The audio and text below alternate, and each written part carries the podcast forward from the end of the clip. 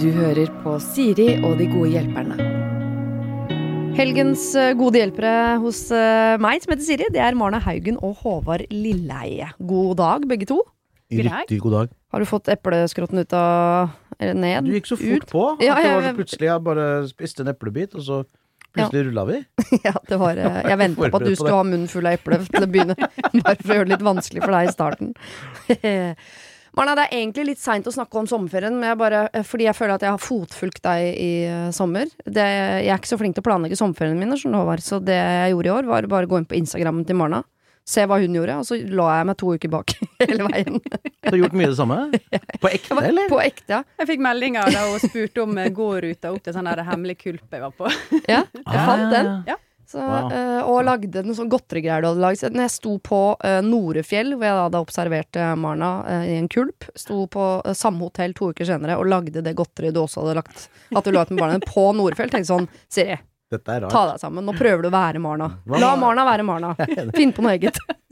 Hva måtte jeg gjort for at du skulle prøve å følge etter?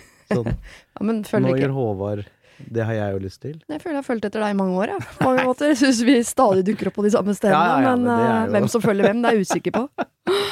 Eh, Jeg skal ikke følge deg nå de nesten eh, 16 ukene, i hvert fall. For du driver jo og skal eh, Jeg har ikke lyst til å kalle det slanke-TV, men jeg ser jo at det er det det blir beskrevet som. 16 Weeks of Hell.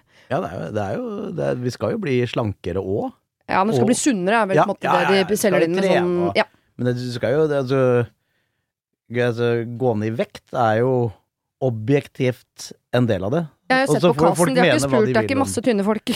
Syltynne folk som skal Nei, ha med med du er allerede tynn, men jeg har bare lyst til å gjøre deg enda sunnere! Nei, det, men det er ganske det, Vet du hva, det er ganske friskt, ass. Ja. Um, og utrolig rigid. Ja. Veldig rigid på sånn kosthold. Så jeg har kjøpt meg sånn digital kjøkkenvekt. Ja. Så jeg må liksom veie alt. Men er vi på bønne- og linseland, liksom? Er vi Nei, men det er mye Det er selvfølgelig Altså, middagen er jo da sånn enten rent kjøtt, ren fisk, Ja. kanskje typisk 170 gram av det, og så øh, masse grønt og greier ved siden av, kanskje litt feta hvis du er heldig. ja. Og når du tror du kan ha soyasaus på sashimien, så er det nei fra det er ikke, sjefen. nei, nei, nei, nei, Nei, det er det ikke. Så Og um, til frokost i dag eh, Proteinshake. Eh, sånn ingefærshot. Ja. Og multivitamintablett. Å, herlig kombinasjon. Åh, God og mett. Man Nei, har det man sykt godt i drømmer om. magen. Det er veldig Men ikke mat. eh, Nei, ikke noe mat til frokost i dag, så proteinshaken skal vel liksom fylle opp det eh, Tomrommet. Ja. Og eh, hvis jeg, hvis jeg først kan hvis jeg, Kan jeg klage litt mer? Absolutt. Ja. Det er at alt liksom eh, Alle ting tar lang tid. For du skal gå powerwalk, og så er det minst en time. Så du må sette av minst en time til det, og det er absolutt alle dager. Minst en time powerwalk. Jeg har opplevd å gå powerwalk i byen, og så er det sånne folk som går vanlig, Mm. som passerer meg. Så der, jeg må jobbe litt med Må få opp tempo. Jeg må rett og slett få opp tempo noen ganger på powerwalken, men jeg jobber med det òg. Ja. Eh, og så det er en sånn fyr som kom Han hadde mye lengre bein enn meg, da, riktignok, men som kommer sånn Som går bærende på sånn eh, Viser fram eh, hvor fine ting jeg lager i koffert. Du vet, sånn flate Ja, stresskoffert. Ja, men, men mer sånn at du har liksom gått på sånn skole der du har lært deg å designe ting og sånn. Oh, ja, ja. Sånn, sånn ja, Samme det. Hvis dere, ikke har, hvis dere ikke har ordene, så kan jeg ikke hjelpe dere. Men da er det altså vi Og han bare strener liksom forbi meg. Så da, da hang jeg meg på han, da. Så prøvde jeg å justere. Og så er det også de styrkeøktene. De styrkeøktene er altså du, Det er dødsmange øvelser. Kjem, altså på hver økt. Det er ikke sånn at du Nei, altså kjører litt mage, kjører litt bryst, kjører litt rygg. Takk for meg. Det er sånn på bryst 1, 2, 3, 4, 5 øvelser. Og så er det mage 1, 2, 3, 4, 5. Og så er det sånn Hvor ofte må dere gjøre dette? da? Du har ikke tid til å Det er jo bra dere ikke skal spise, for det har du ikke tid til. Nei, det er fem Jeg tror det er to fridager per uke fra styrkeøktene, og så er det fem dager. Og så er det sånn at eh, Og alle øvelser gjør du da seks reps på alt, Ja. ganger seks. Nei. Så det, er så, det er så utrolig tidkrevende, Marna. Jeg spør fordi jeg må, men jeg vet jo hva du kommer til å svare, Marna. Du, har du lyst til å være med, eller? Ja, Vet du hva, jeg skal Ja, men Marna er jo for- slank. Det er, det er, skjønner du? Det, det er døvt å si, da. Nesten mot meg. Nei, men Ja. alle har jo lyst til å bli sterkere, og jeg skal innrømme en ting nå, eller ikke innrømme, jeg skal fortelle noe. Jeg har ikke sovet på tre netter, fordi at for tre dager siden så var jeg så dum at jeg var med ei venninne med på trening. Hun er ti år yngre enn meg, Mhm. og når hun da løfta 90 kilo i markløft, så økte jeg fra mine 30 kilo til 40 Mhm. og gønna på. Og jeg har ikke trent siden mai, omtrent. Jeg er så ødelagt i kroppen, og så musklene mine har bare krympa. Så om natta har jeg jeg ikke, fått, jeg har ikke fått sove. Er det kramper? kramper? Krampe i musklene, for at de er så støle liksom fra baksida av kneet opp til bak skulderbladet. Der ligger det noen natta og bare trekker seg sammen. Vil du ha et tips fra doktor Lilleheie? Ja takk. Ta magnesium. Jaha. Ja. Mm. Hæ? Ta magnesium. Eller faktisk. ikke herm etter jenter som er ti år yngre enn deg, og prøve å ta Jo, etter men det er bare Det bygger du opp gradvis. Neste gang så er det bare to netter du får sove dårlig, og så er det én natt du får sove dårlig, og så er vi i mål. Da er alle fornøyd. Ja. 90 i markløft, er, men det er ganske pent. Da er hun Hun er pen, og jeg tenkte at det skal ikke være noe dårligere. Nei. Nei, du var jo 50 kilo dårligere, da. Det var jeg. Ja. Ja. Jeg bare ville gni Prosentvis det ganske inn mye litt. under. Lite ja. Men jeg økte jo min egen vekt med 25 da. Det er Ja, ja, veldig det bra. er enig. Det er faen meg Ja. det, det er bra, altså. Men det var ikke så veldig lurt. Nei, men på sikt. For nå har du, da, nå har du pressa deg på det én gang. Nå tar dette det en uant eh, retning, dere. For det, vi er, er ikke først og fremst å snakke om helse. Det Nei, kan hende vi kommer innom helse, men det er mest med mellommenneskelighet og følelser. De kan bare klippe det ut. Du kan, bruke hva du vil. Ja, jeg bruker høyl. Ja. Men er dere klare også for å hjelpe folk med følelser? Ikke bare eh, Ja, ja. magnesiumtabletter og, og reps? Absolutt. Kjempebra. Her står det. Hei, Siri og dine gode hjelpere. Jeg håper dere kan hjelpe meg. Jeg er en kvinne på 29 år som er gift med mannen i mitt liv, og han har vært sammen i 10 år. Han er også 29. Sammen har vi en datter på to, og vi er i gang med prøving for å få søsken til henne. Vi er i en IVF-prosess, så det kan iblant ta på med hormoner og opp- og nedturer. Men det er ikke problemet. Problemet er at etter ti år så har vi begynt å kjede oss, og begge ønsker å finne på hyggelige ting å gjøre sammen. Livet er for kort til å bare ha kjedelig hverdag.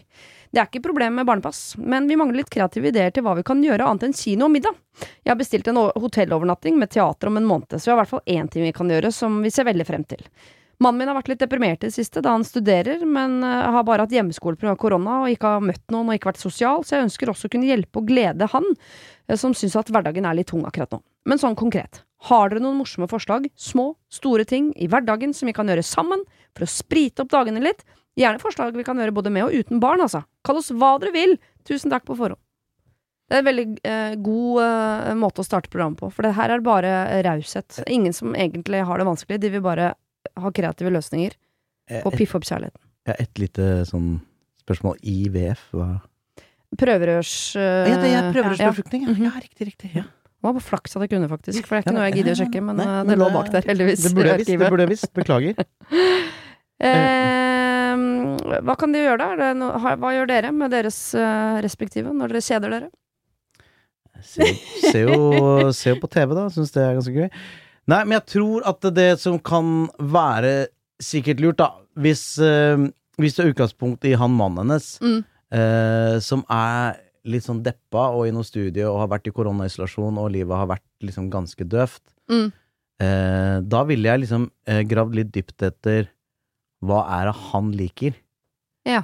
Eh, for ikke sant, dette er utgangspunkt et, et godt menneske som skriver inn her. Hun vil gjøre noe Hun får det bra hvis han Det er sånn jeg leser henne, da. Det er liksom mellom linjene så leser jeg det. Okay. Eh, at hun trenger at han har det litt bedre. Så hvis han er en sånn øh, fyr som liker å, å drive med paintball, så burde de dra og gjøre det, liksom? Det tror jeg hadde vært dødsgøy. Ja. Det, altså, bare, det er et veldig konkret og godt For det er jo veldig sånn out of character-ting for, uh, for småbarnsforeldre å gjøre. Ja. Dra og skyte hverandre på fritida.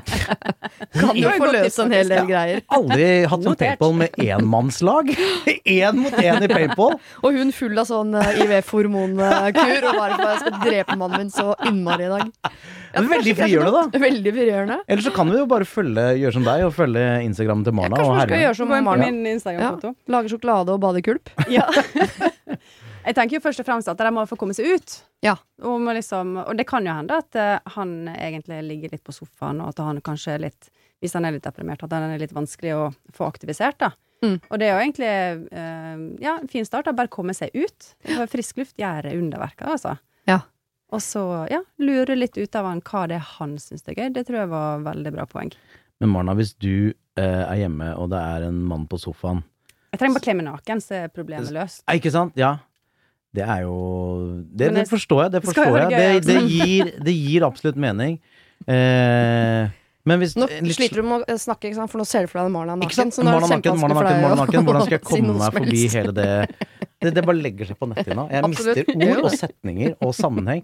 Men hvis han er litt slapp, da, og dere allerede har ligget sammen, og dere har kommet begge ting er bra sånn sett Ja, og glideløsen har satt seg fast, du klarer ikke å kle deg naken. Nei, det, sant? sant, Ja, ting, ting er Mm. Altså, Det er hvis, hvis, hvis nakenhet ikke går, Mhm. og det er en slapp eh, mann på sofaen som er sånn viljeløs, ser på TV, hva, hva gjør du? Jeg tenker at også, En ting er ut, men opplevelser, det, det gjør noe med, med sinnet. Også, I hvert fall sammen for meg. Også, hvis det er tunge tider og sånn. Det er liksom, og vi har jo allerede vært gjennom denne koronaperioden og isolasjon, og det gjør noe med hodet til folk, altså. Mm. Men også frisk luft, å komme seg ut, og så, gjøre ting som en kanskje alltid har lyst til å gjøre, eller om det er å gå på fjelltur, eller kanskje vi skal uh, gå på den toppen, da, som vi alltid bare snakker om. Mm. Eh, skal vi faktisk ta og gjøre det, oppnå et par ting? Eh, så kommer det an på hva interessen der er, da. Ja, for jeg ser at det, Men De har jo nevnt de, der, de klassiske kino og middag og sånn, men jeg tror bare for eh, Og det mener jeg som generelt råd til verden, eh, basert på hva jeg liker å gjøre og ikke gjøre, da, selvfølgelig, men eh, hvis man allerede kjeder seg litt det å spise middag sammen et annet sted, det piffer jo ikke opp noen ting. Altså jeg bare ser for meg, eh, Vi spiser jo middag sammen hver dag. Det er ikke sånn, at Skravla går ikke, liksom. Vi snakker jo om logistikk og morgendagen. Og det ville vi antageligvis også kanskje gjort på restaurant. Så jeg tror man må lenger bort fra det man vanligvis gjør. Kino, nesten det samme som å sitte og se på Netflix. Man må, man må gjøre noe helt annet. Men, adrenalin. Ja, Ja. men, men hvis vi tenker på det du snakka om, altså paintball i utgangspunktet Hvis vi prøver å komme opp med litt sånn rare ting, altså ting som ikke er det du tenker på først Mm. eh, Som kan være Ikke sant, det fins jo sånn derre Hva heter det når du går inn i sånn derre rom Escape room. Og, escape room. Ja, ja. Ehm, åh, vi kom på flere sånne pussige ting. Um, Hadde konsept her tidligere eh, når eh, Henrik Thodesen eh, var på besøk sammen med Jannicke Widen. Vi kom opp med SIP, supp, ribb og rabb, som er zipline. eh, supping, altså på brett, Ja. som er ganske kjedelig, men helt ok å drive med. Eh, kjøre ribb. Og spiser rabarbra. Det er de fire store. Der er det noe. Det Der er er masse noe. sånn zipline-parker, og kanskje Ja. skulle dra på sånn Jeg vet ikke, ting som er gøy for unger. Klatrepark, for eksempel. Ja. Ja. Det er gøy. Nei, Gud, jeg var i klatrepark i sommer. Ja. Jeg var så redd. Å ja. Jeg, var så Hva var det? Å dette ned, eller? Ja, på høyden. Ja. Det er øverst der. Det er skummelt. Det var oppe i Voss der. Helt kokos. Eh, så da Det vil jo kanskje i hvert fall, hvis han har samme høyderespekt som jeg har, så vil det jo få han liksom ut av eh, sånn apatien, da. Ja. Eh, men kan vi ikke komme på Hva er det liksom rareste hun kan finne på, da, som er sånn så, Som Som bare ikke er paintball og ikke Ja, ja, ja, escape room. sånn Og ikke bare å kle seg naken. ja, som er litt sånn ute. Eh, hva, er det rareste, hva er det rareste man kan gjøre i Hvis vi tar det fylkesvis, da. I, i gamle Østfold, liksom. Fylkesvis. Hva er det rareste Jo, jeg vet! Dra på baren til Per og Bahare. Og I. Halden, eller? I Halden, ja. Snakk politikk med Per Sandberg en hel kveld mens du drikker deg drita på Jegershots. Ja. Det vil jeg si det er, det er det rareste jeg kommer på i Østfold akkurat nå. Ja. Eller gamle Østfold, da, nå en del av Viken, men du skjønner greia. Ja, det Det er de gamle fylkene som fremdeles teller, for de nye de er ikke Enn så lenge. Enn så lenge. Jo, kanskje det, rett og slett. Men jeg tror i hvert fall Ok, eh, gjerne snakk politikk med, eh, med Bahare og kompani i Halden, men i hvert fall å ut, tror jeg er viktig, som Marna sier. I hvert fall bare gjøre noe som ikke minner om det dere gjør hjemme. For hvis det allerede er kjedelig, så blir det ikke noe gøyere av å gjøre det litt mer. Dere må gjøre noe helt annet. Dere må få frisk luft, litt adrenalin.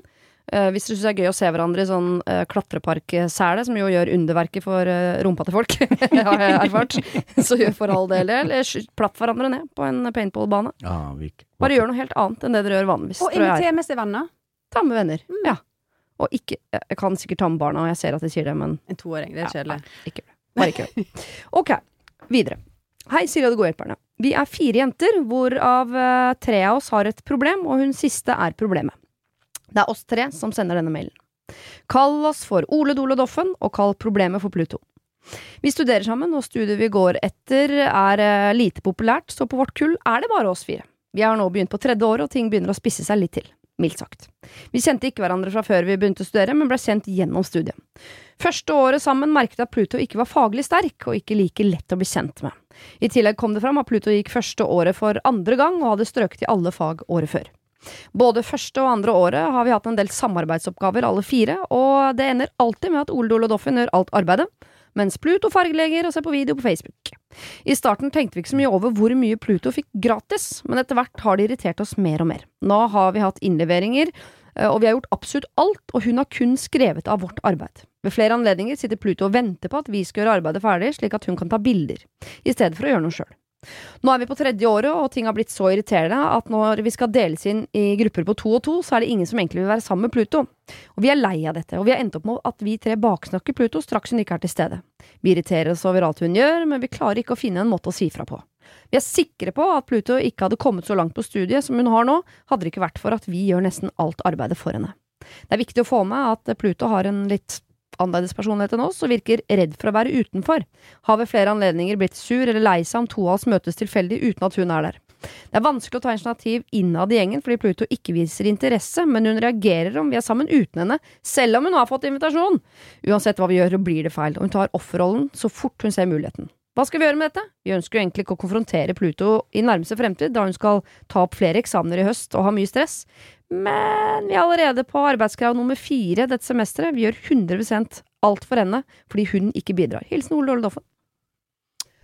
Jeg lurer veldig på hva slags linje dette her er. De er fire stykker som går, jeg vet ikke. Jeg slenger reindrift som et For det husker jeg var sånn Hæ, er det noen som tar det? Så rart. Ja. Fire jenter Fire jenter. som tar reindrift. Eller pølsemakerlinja, som Ja, jeg husker også var et uh, alternativ på Sogn da jeg vurderte det. Smed. Eller smed. Mm. Ja, kanskje det er gullsmedlinja. Vi går for gullsmedlinja. Det, det første jeg tenker, er at det er liksom eh, den gode, gamle eksamenen helt borte fra studier nå. Nei da, det Ja. er noen eksamener framover nå. Ja, men da ja, ja, men er det sånn at eh, hun kan Det føles som at hun liksom kan skrive av de andre på eksamen nå. Det, det er veldig sånn, det er. Det, det er et sidespor. Jeg bare syns det var sånn ja, Å ja, nei, men du tenker at på et eller annet tidspunkt så blir hun avslørt, og det er på eksamen. Når hun har levert mange gode oppgaver på eksamen, så kan hun ikke svare på det eneste spørsmål. Er det det du tenker? Ja, det tenker jeg. Da må hun jo ryke igjen. Ja. Jeg skjønner ikke. Men uh, her uh, Hun virker jo helt, helt håpløs og helt feilplassert i livet. Så det er bare å, er bare å hjelpe henne ut, tenker jeg. Hvordan gjør man det, da? Nei, altså, hvis hun skriver av alt og sånn, og de er bare tre stykker som jobber, er ikke bare Tenker jeg kan dele opp eh, I stedet for gruppearbeid på to og to, så kan jeg dele opp, i, at, eh, dele opp oppgaven i fire. Så at hun må gjøre sin fjerdedel. Da vil jeg tvinge henne til å måtte bidra. Ja. Men klar, hvis man vet da at en fjerdedel av oppgaven blir skikkelig dårlig, Da går det og man leverer deg. som gruppe Ja, men uh, Da stryker du. Hvis jeg Tenk at jeg er sånn hvis, hvis problemet er at hun ikke bidrar, ja. så må de tvinge henne til å bidra. Og hvis hun da ikke bidrar godt nok, så er jo det noe de da kan, kan snakke om. ja. Men eh, jeg tror liksom prien er å få henne til å begynne å, å bidra. P1 må vel nesten være å få henne på en annen hylle i livet. Altså, hun har jo ikke noe her å gjøre. Det er helt opplagt. De skal jo bare være med henne det siste året, da. Jeg vet ikke hva slags linje det er. Linje, hvis den innebærer at de skal jobbe i dag etterpå, det kan jo være en ting. Men hvis det her er siste året, så er det Ja. liksom bare å tenke at OK, vi er snart ferdig. Komme seg gjennom, liksom. Ja. Ja. Men de gjør jo samfunnet en bjørnetjeneste også ved å sende hun her ut i yrkeslivet, og så ser arbeidsgiver på papirene og tenker sånn Ja, men jøss, hun har jo vært ordentlig god i gruppearbeid, eh, denne Pluto. og så begynner hun å jobbe, og så viser det seg at å ja, hun vet ikke forskjell på den blå og røde knappen på hoveddashbordet i dette yrket. Altså, det, da Litt svake eksamener, men svært god på gruppearbeid. Veldig god gruppearbeid. Dette er en kandidat vi skulle vurdere. Og utrolig god til å fargelegge, da. Veldig Ja. god til å fargelegge. Nei, det Og så syns du, er, De er jo litt lei av henne som venninne også. Så det, selv om de sier at de ikke vil ta opp noe med henne, så syns jeg liksom jeg aner at de har lyst, men de vet at hvis vi gjør det, så blir hun knust. Du, jeg tror jeg hadde konfrontert det, altså. Ja. Men du, jeg har vært eh, Jeg har vært i en posisjon en gang for veldig mange år siden på et studium der jeg hadde rota meg bort og røra litt og, eh, og trengte litt hjelp. Mm -hmm. og da var det tre sånn skikkelig kule flinkisjenter som, som hjalp meg. Og de var så fine, men da, men da Jeg måtte jo ha eksamen sånn selv, selvfølgelig. Ja. Ehm, Men da ba du om hjelp. Ja, og da hadde jeg Jeg tror nesten tilbød seg, for så han her har vi en som sliter, liksom. Han er litt for umoden for disse tredjegradsligningene. Men da, da var det Da fikk jeg i hvert fall Da, da skjønte jeg at nå får jeg kjærlighet. Mm. At nå må jeg være fin. Her har du et menneske som, som får veldig mye faglig kjærlighet Mm. uten å gi noe tilbake. Nei, jeg tror kanskje jeg hadde gått for konfrontasjon, ass. Rett og slett bare sånn Du, sorry, det holder ikke. Det spørs jo hvordan du sier det, selvfølgelig. Hæ? Det spørs jo hvordan du sier det. Men du må bare si det på en litt sånn eh, ærlig, direkte måte, da. At eh, du, dette er Vi gjør alt der, du gjør ingenting. Jeg trenger ikke å si at vi baksnakker deg når du ikke er her. Nei, nei. Nei. Men å på en måte si det på en kjærlig måte, da. Som Man kan ikke være for kjærlig heller. Nei, men tough da- love, da. Hæ? Ja, det, da, det, det er jeg enig i. Men da kan det hende at vi burde gått omveien om Marna sitt forslag, som er dele opp gruppearbeidet i fire. Og når hennes del er svak Hvis den er det, da. Hvis den ikke er det, så, er det jo, så har vi jo løsningen der. Da slipper dere å konfrontere. Alle er glad. Eh, Men hvis hennes del er så svak at den vil gå utover liksom sluttresultatet på gruppearbeidet, så kan man jo bruke det som en brekkstang inn til sånn Dette her, Pluto, det er dette er for dårlig. Vi kan ikke ha det med gruppearbeidet. Så nå må enten du gjøre det om igjen, eller så må vi gjøre det for deg. Men da syns vi det er urettferdig at du står på rulleteksten. Fordi eh, har hvis vi gjør din del også, så har jo ikke du gjort noe. Ja, og jeg er veldig glad i et sånt samfunn der liksom vi skal Ingen har opp, eh, kommet opp bakken før alle har kommet opp. Mm. Men det, det fordrer jo at den eh, som går saktest, eller sliter mest, også gidder å prøve Mm. å gå. Ja. Når du ikke gjør det, da blir det litt sånn ok, da Sorry. Ja, og så er det jo litt rart hvis den som alltid må bli båret opp bakken, er den som øh, på en måte mener at man hele tiden skal gå i motbakke. Altså Hun har jo valgt dette studiet hvor hun ikke får til noen ting, og skal på dødeliv gå der, men er avhengig av å bli båret hele veien. Mm. Det syns jeg, jeg er litt rart. Det, det er grunnen til at jeg tar aldri initiativ til fjelltur. Jeg kan godt bli med, men jeg tar ikke initiativet. Fordi når jeg må bæres, så er det litt flaut hvis det på en måte er jeg som har sagt at vi skal gå i utgangspunktet. Så jeg tror, jeg syns ditt forslag, Marna, er veldig godt. Dele opp gruppearbeidet i fire. Se hva hun gjør på sin del. Hvis det er for dårlig, så må du ta tak i det. Og hvis det er bra nok, ja, så trenger du ikke å ta tak i det. Da må vi bare håpe at det året her snart er ferdig. Det tror jeg vil løse det. Ok. Her er det en som starter ganske brått og skriver sånn Hei, jeg tror jeg er blitt ljugd til, rett og slett. Det er mulig jeg overtenker, altså, som vanlig. Jeg har snappa med en fyr jeg møtte på Møteplassen. Møteplassen tror jeg er datingsiden til Finn. Mm. Eller? Ja. Et eller annet. Noe sånt. I går spurte jeg han rett ut. Snakker du med flere enn meg? Og fikk da til svar ikke som jeg vet om, og noe emoji-greier. Jeg kan se når han er aktiv på møteplassen, og jeg får det ikke helt til å stemme. Hvorfor skal han være innom møteplassen opptil flere ganger om dagen hvis han ikke snakker med noen flere enn meg der? Jeg har vært ærlig med han og sagt at jeg snakker med to andre. Men øh, jeg syns dere at jeg skal konfrontere han med det jeg tenker? At jeg øh, har sett at han er aktiv der inne, eller skal jeg bare la det ligge? PS. Og her kommer PS, som jeg mener er et større problem, egentlig. Jeg fikk vite for ca. en måned siden at han har et barn, noe som ikke står på møteplassen.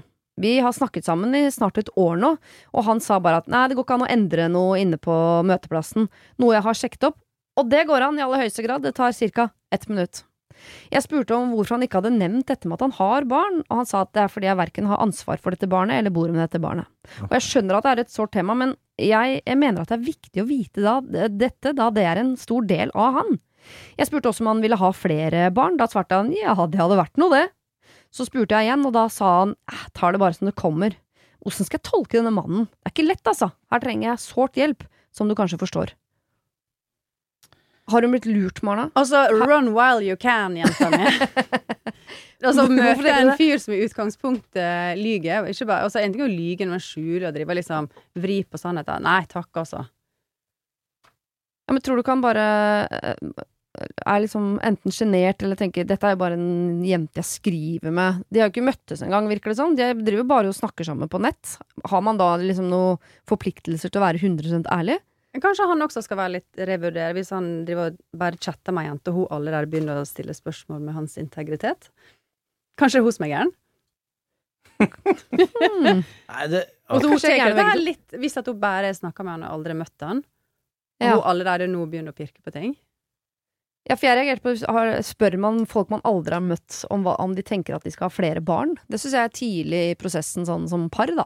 Det mener jeg med. Jeg stussa litt på det samme. Men tror du ikke det er en sånn derre Det der er en sånn verden som eh, i hvert fall ikke jeg er en del av, der man liksom Altså, hun har da chatta med den, denne fyren i et år. Mm -hmm. uh, noe som Bare det er jo i min verden kjemperart. At eh, hvis jeg hadde da vært på et sånt sted og chatta med en dame, Mm. eh, da ville jeg jo latt det gått litt, og så ville jeg liksom møtt henne for å se om det var noe vits i å Mm. chatte mer i et år!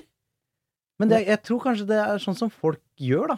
For det er bare en det, Men det er en verden jeg ikke helt måte Og jeg tror ikke alltid det er spesielt sunt heller, men det, det er jo meg. Eh, men jeg syns jo Jeg er enig med Marna at det virker bare som en sånn rørete type som eh, seiler under falsk flagg.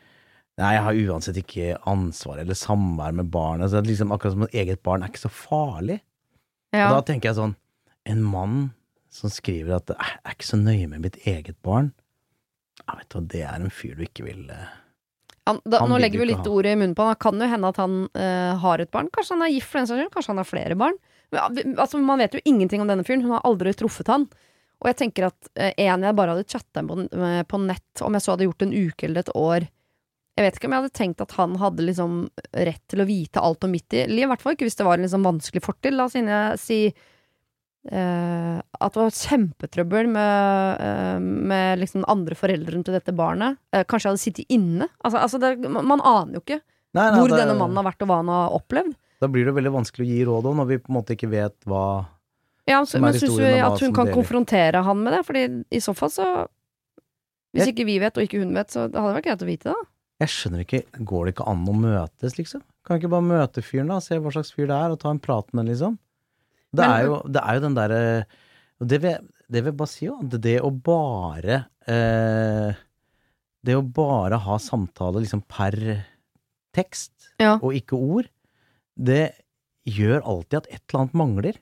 At på et eller annet punkt så er du nødt til å Du må bare treffe folk for å finne ut av det. Mm. For alle kan sitte bak eh, sin egen skjerm og skrive hva som helst, og, og, og ikke være attached altså, til det andre mennesket og egentlig bry seg. Mm. Det, det der, det høres ut som en sånn evig runddans som du ikke kommer ut av. Mm.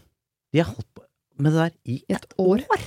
Det er lenge, ass! Jeg lurer veldig på hvorfor de ikke møttes. Altså, Ja. hvis, og det å snakke Hvis jeg har chatta nå i et år, da, og i løpet av året, året aldri kommet inn på private ting, som for eksempel det at du faktisk har et barn Mm.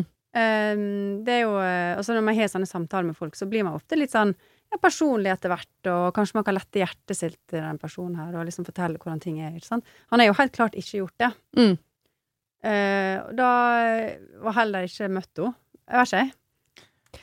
Tror din første liksom, intuisjon på at hun uh, må løpe, den er ikke så dum. Også, det, men jeg tenker jeg skal ikke bare legge legge det på han eller henne. Tenker De to de har kommunisert i et år på en eller annen måte, men det har jo vært en ganske dårlig kommunikasjon.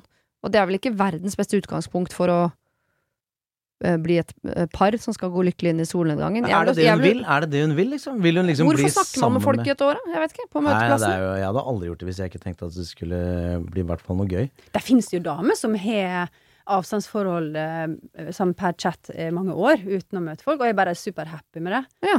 Men eh, det, Jeg lurer, det er jeg lurer veldig på hva hun her vil. Hva er det hun For at det, hvis at eh, hun egentlig ville møte han, så er det rart at ikke hun nevner det som problemet. At jeg har lyst til å møte han, men han vil ikke møte meg. Nei. Da burde det få ringe bjelle. Ja, grunnen til at jeg tror at hun på en måte ønsker at de to eventuelt skulle blitt et par, er at hun reagerer på at han snakker med fler. Hvis, møte, hvis hun bruker møteplassen som bare et sted hun snakker med folk, så kan hun jo ikke sitte og være sjalu på at man snakker med andre. Ja, Sjalusien kommer vel inn i, i det øyeblikket du tenker at vi to har noe unikt, og det er bare oss to, ingen fler. Jeg har veldig mange spørsmål til dette forholdet her. Ja. Men er, ja, for at det, han vil ikke si om Var det sånn? At han vil ikke si om han prater med flere eller ikke? Eller? Han øh, unnviker å svare, men han svarer i retning av at han ikke møter flere, men hun tror han gjør det allikevel, for han er ofte aktiv på møteplassen uten at han snakker med henne. Ja, og man kan være utro på møteplassen. Tydeligvis. Ja. Mm. Du, Jeg syns dette er Jeg synes dette er veldig vanskelig. Og jeg synes, øh, fordi det er så fjernt fra meg og mitt liv og hvordan jeg er. Mm. Eh, altså, og som Marna sier, det er mange som har sånn avstands-chatteforhold i årevis og har det fint med det. For meg er det altså kjemperart Mm. at du ikke ganske fort vil komme deg til Skal vi møtes? Skal vi se om det er noe? Og så tar vi det derfra. Mm. Eh, og det høres For meg Det, men dette er, jo, dette er jo for meg, da. Ja. Hvis, hvis jeg hadde vært i denne situasjonen og hadde chatta med en dame i et år uten å ha møtt henne, Mm. Og du allerede var sjalu på ting du ikke visste? og ikke visste om eh, hva hun drev med, og hva hun var ærlig med, da ville jeg tenkt her må jeg enten bare avdekke hva er det som skjer, eller så må jeg komme meg videre. Mm. Men jeg forstår jo at for mange, hvis de lever livet sitt online, da, mer eller mindre, så er det sikkert helt annerledes, men for meg er det helt strange. Jeg ville oppretta kontakt, ville sagt ah, hun er morsom, hun er kul, hun virker å ha ålreite verdier, ah, vi møtes, ser om det er noe, og så er det enten det eller ikke. Mm. Men det kan jo være fordi jeg, kanskje hun er mye yngre enn meg, kanskje jeg er blitt en voksen mann som ser liksom bare nøkternt på alt, jeg veit ikke. Nei, jeg vet ikke heller. Men det er uansett en god idé å møtes. Man, eh, altså, man vet jo ikke hvem man snakker med. Ja, i hvert fall spør om de vil møtes. Da, for at hvis han ikke vil møtes, så avslører jo han at han sjøl kanskje er den typen som bare bruker møteplassen som ren underholdning. Mm. Med inntil flere damer, kanskje. Ja. Jeg bare ser for meg at han er gift. Jeg bare trenger noe, eh, sånn, eh, noen å snakke med på siden der. Kjeder seg i forholdet sitt, men er ikke en utro fyr. Bare på møteplassen. Da han vil bare ha dialog med andre mennesker. Ser jeg for meg. Men det er min mistanke. Jeg vet ikke helt hvor den kommer fra. Du vet, det begynner med møteplassen, så Det er på en måte hasjen Ja, inn i er- videre løp. Eh, hvordan skal jeg tolke denne mannen? Det er det han egentlig spør om. Hvordan skal jeg tolke denne mannen? Eh, vi tolker det vel dit hen at eh, han er såpass umulig å tolke at her er det et eller annet som er grumsete. Om det er han, eller bare deres kommunikasjon, eller kjemien Det vet vi ikke helt. Eh, men alle fikk jo en litt sånn intuisjon på at eh, dette prosjektet må du legge fra deg. Ja. Og neste gang du snakker med en fyr som virker ålreit, så, så møt han tidligere. Før det har gått et år, på en måte. Helt enig. Ok, vi skal over i noe litt mer dirty. Hei, Siri og de gode hjelperne. Jeg har et problem med en eks som jeg sårt trenger hjelp med, og som har pågått for lenge. Kall meg Erne Solveig, og kall han for Kai. Det ble slutt med meg og Kai for drøyt tre år siden, men vi omgås fortsatt jevnlig. Jeg besøker han med eller uten en felles venninne, og vi lager gjerne mat, ser på film, og i det seg selv er jo hyggelig. Men det er konstant seksuelle tilnærmelser fra han, selv om jeg gjentatte ganger har sagt at det ikke er aktuelt å ligge sammen. Likevel fortsetter det. Kai sier ofte at han er så kåt for tida, at jeg er så eh, deilig, at han savner å ligge med meg, og han kan finne på å ta meg på rumpa når vi klemmer og sier hei eller ha det. Uh, og sier jeg noe uh, på det, er det som om han godter seg og gjør det igjen. Han kan bli sur, til og med rasende, når jeg sier at jeg ikke ønsker å ha sex med han, for av og til kan jeg jo finne på å date andre, og en sjelden gang gå til køys med dem. Hvorfor skal de få, men ikke han, liksom? Det er mildt sagt frustrerende, og jeg har en klump i magen når vi skal møtes, fordi jeg vet det vil bli snakk om noe seksuelt. Han kan også dra med seg venninna eh, han bor med på dette, og det kan oppstå masse mas og press om trekant, ligging med henne også. Jeg har sagt fra om dette mange ganger, til begge to, men det blir ikke respektert. Hva skal jeg gjøre? Går det an å faktisk få banka inn i hodet på folk at man ikke ønsker verken seksuelle tilnærmelser av noe som helst slag, eller sex, eller er det bare å avslutte dette vennskapet? Hjelp! Useksuell hilsen fra Solveig. Nå har jeg veldig lyst til å si det du sa i stad, Marna. Noe om å løpe og noe greier. For dette Jeg tenker Hun må i hvert fall minne seg sjøl på hvorfor det ble slutt med han her i utgangspunktet. Ja. Han har i hvert fall ikke skjønt at det er slutt. Nei, eller tenker han at det er slutt, men at jeg må i hvert fall få lov til å høste noen av de fruktene. De, det var jo Kanskje akkurat den delen fungerte når de var sammen, det seksuelle, men ikke resten. Sånn Han vil ha det der etterforholdssexen, ikke sant? Den Ja. der uforpliktende, der man liksom fremdeles husker noe som var eh, som, som jo mange har gjort etter å ha vært i et forhold, ikke sant? At du Å ja, så gikk jeg på en smell med huet. Sies ikke det at det er noe av det dummeste man gjør, da? Jo, jo, jo, men det Ja. er jo ekstremt vanlig, da. Ja. Ehm, så Men uh, Solveig er for smart til det, da. Uh, Kai er sugen, uh, men er det ikke mulig Jeg tenker på han er Kai òg. Ja. For, for liksom ta det første først, da. ja. Det er selvfølgelig lov til å si nei til uønskede seksuelle tilnærminger. Ja. Altså Hvis man har først fulgt mediebildet de siste årene, Mhm. så har det vært tydelig fortalt. Så det Det går an, og hvis folk ikke tar det til etterretning, så er det bare å søke avstand. eh, fordi det, det er jo objektivt sett ikke greit. Nei. Eh, så jeg må bare finne ut eh, om hun orker å møte han fyren, liksom. Eller så må du la være. For at det virker som han Det virker som han er en fyr som er det han er ja. på vondt og vondt. Eh, og, og, og Ja, ja, en fyr som liksom klår på deg, og så hvis du sier at du ikke liker det, så bare liksom ler han og fortsetter. Ja. Høres ikke ut som en fyr du skal være sammen med i det hele tatt. Gjør Nei, jeg, bare, jeg, blir, jeg skulle ønske det sto noe imellom om hyggelige ting. Eh, ja, De sier at lager mat og ser på film, det kan man gjøre med hvem som helst. Ja.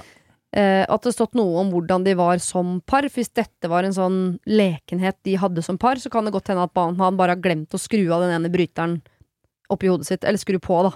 Eh, at han, men det var sånn vi flørta. Jeg sa sånn 'Å, du er så deilig, jenta mi'. Så sa hun sånn 'Nei, hold opp, da'. Og så kløp jeg rumpa og sa sånn 'Nei'. Og så var det på en måte sånn vi starta. Alltid. Det, det, det elsket jo du, og det syns jeg var gøy. Og, øh.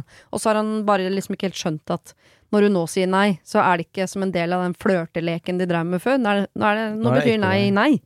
Ja, her må i hvert fall noen tydelige grensesettinger til. Ja. He need boundaries.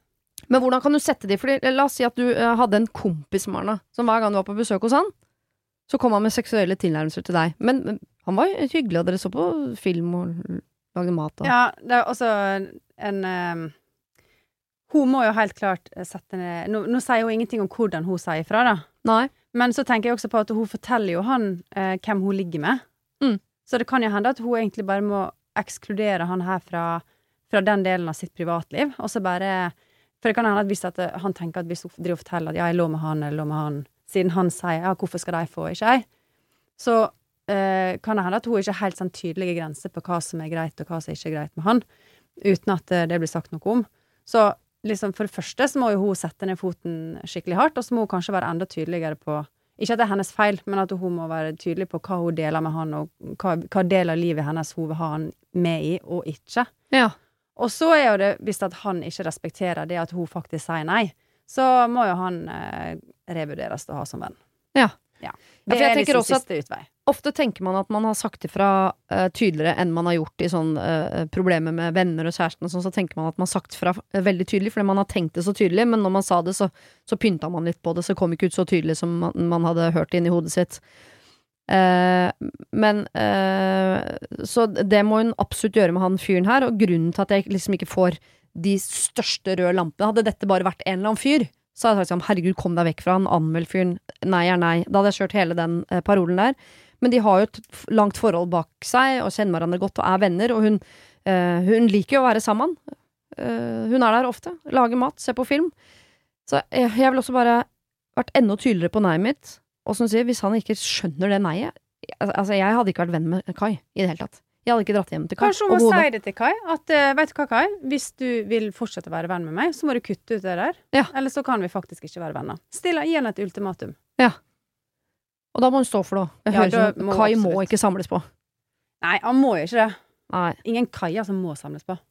Og Nei. hvorfor må man alltid være så mye venn med ekser? Ja, Det er veldig få som tenker at de må det. Det er noen veldig få som driver med det. Ja, det er sånn ah, Er det ikke bare å komme seg videre? Ja. Finne nye Altså, altså Hun derre som Kai bor med, vil jo uansett at uh, de tre skal ha trekant, så det virker som Kai liksom Han har jo et sted han får utløp uansett, uh, virker det som. Mm -hmm. uh, så Jeg tror ikke Guy er så veldig gammel. Nei, det tror ikke jeg heller. Nei. Hvis han bor til, sånn Da blir det enda eklere av en eller annen grunn, hvis han er det. Kai 58 eh, Nei, det orker jeg ikke. Det orker jeg faktisk ikke. Det orker jeg ikke. Men si at han er 23, da. Ja, Det kan høres sånn ut. Ja. Ja. Da er jo ikke den der frontallappen utvikla engang. Man trenger bare eh, smekke på fingrene for at det skal få litt progresjon. Og det som gjør at jeg liker Kai aller, aller minst i hele denne lange mailen, er når, han, eh, når hun forteller at hun har ligget med andre, så blir han sur, for han skjønner ikke hvorfor ikke han også kan få. Jeg bare, vi driver ikke en godtebutikk. Hva, hva er det du tenker at vi kvinner er? At bare fordi vi ligger med noen, så kan vi bare ligge generelt? Han Altså, fikk! Han Og så skal ikke jeg? Ja, men altså, meg, ja? det høres ut som en uh, bortskjemt suttrunge i barnehagen Må som være like mye godteri i begge posene. Hvis ikke er det feil. Sorry, altså, han Kai liker jeg ikke noe særlig, om han er 23 eller 58. Han, jeg sliter ordentlig med Kai. Jeg skjønner veldig godt at ikke du er sammen med han, Solveig, men jeg skjønner ikke så godt hvorfor du fortsatt er venn med han, det må jeg innrømme. Såpass streng med jeg få lov til å være mot Kai. Men det var jo fint, Siri, det du sa, at uh, hvis hun nå skal ha han som en venn, så er hun nødt til å tenke på han som en venn, og sammenligne det med hvilken som helst annen venn. Ja. Vil du at venner skal gå og si sånn til deg? Nei. Er det sånn at kan man gi råd bare, slutt å være venn? Ja, ja, ja. Ja, det er ja, det, ja. Det, gjør det stadig. Flytt, det slå opp. Slutt å være venn. Slutt Ja. å være venn. Og så vil helt sikkert noen, og jeg bare sier det før mailene kommer inn til programmet, noen vil si sånn Hvis man er venner, så skal man jo kunne fortelle vennene sine om hvem man har ligget med, uten at det skal føre til seksuelle tilnærmelser. Helt enig i det. Men Kai har ikke skjønt det. Nei. Kai skjønner ikke dette. Så er, hadde Kai hørt på, så skulle jo fillerista Kai herfra til helvete. Men Ja. nå prøver vi å hjelpe Solveig, og det beste rådet er sånn slutt å være venn med Kai. Hvis du absolutt må være venn med Kai, så må du snakke mye strengere til Kai. Du må tenke at han er en hund som trenger tydelige, korte beskjeder. Ellers så må han ø, ø, gå ut og luftes, og ikke slippes inn igjen. Nei, for det, og dette er kanskje fordi Hvis vi da sier at de antageligvis er veldig unge, og at jeg er en, en del eldre eh, Men jeg syns det er rart å ha vært i et forhold, og så ligger du med nye, og så drive og fortelle det til eksen. Det ville jeg aldri gjort. Nei. Jeg ville tenkt sånn, ok, da er det Nå går jeg denne veien, du går den veien, og hvis jeg finner noen jeg liker ekstra godt da eh, Men selvfølgelig, hvis du blir kjæreste med en ny, så si det, men sånn Hvis det bare er liksom noen hun har tatt med hjem og hatt det fint med, liksom. Men jeg skjønner ikke hvorfor Må ikke rapportere om det. ja, Hvorfor må man si det? Nei, men det er fordi de er venner, da. Hun Ja, hadde jo ikke ja, men ringt kom igjen, da, det har vært et forhold. Ja. Han vil eh, ligge med henne hele tiden. Det er jo åpenbart. Og så er det bare Hvorfor skal man åpne liksom den døra? Jeg bare forstår det ikke. Er det ikke bare å Jeg liksom holde det for seg sjæl? Jeg tror hun prøver å, å skremme han vekk ved å, si sånn, ved å fortelle at hun ligger med andre, og på den måten på en måte si at hun er utilgjengelig. Men så tolker han sånn sånn Å ja, så godtebutikken er åpen! Hva kan jeg kjøpe? Det er jo helt Det kan jo eh, hende at Solveig er litt konfliktsky. Ja, det vet tro Da er jo dette her en fin utfordring for henne. Ja. Mm. Bruk dette som en lekekasse for å, å bli mindre konfliktsky. Øv deg på Kai. Ja. ja ja. Han skal få gjennomgå, Kai. Slipp ut bikkja.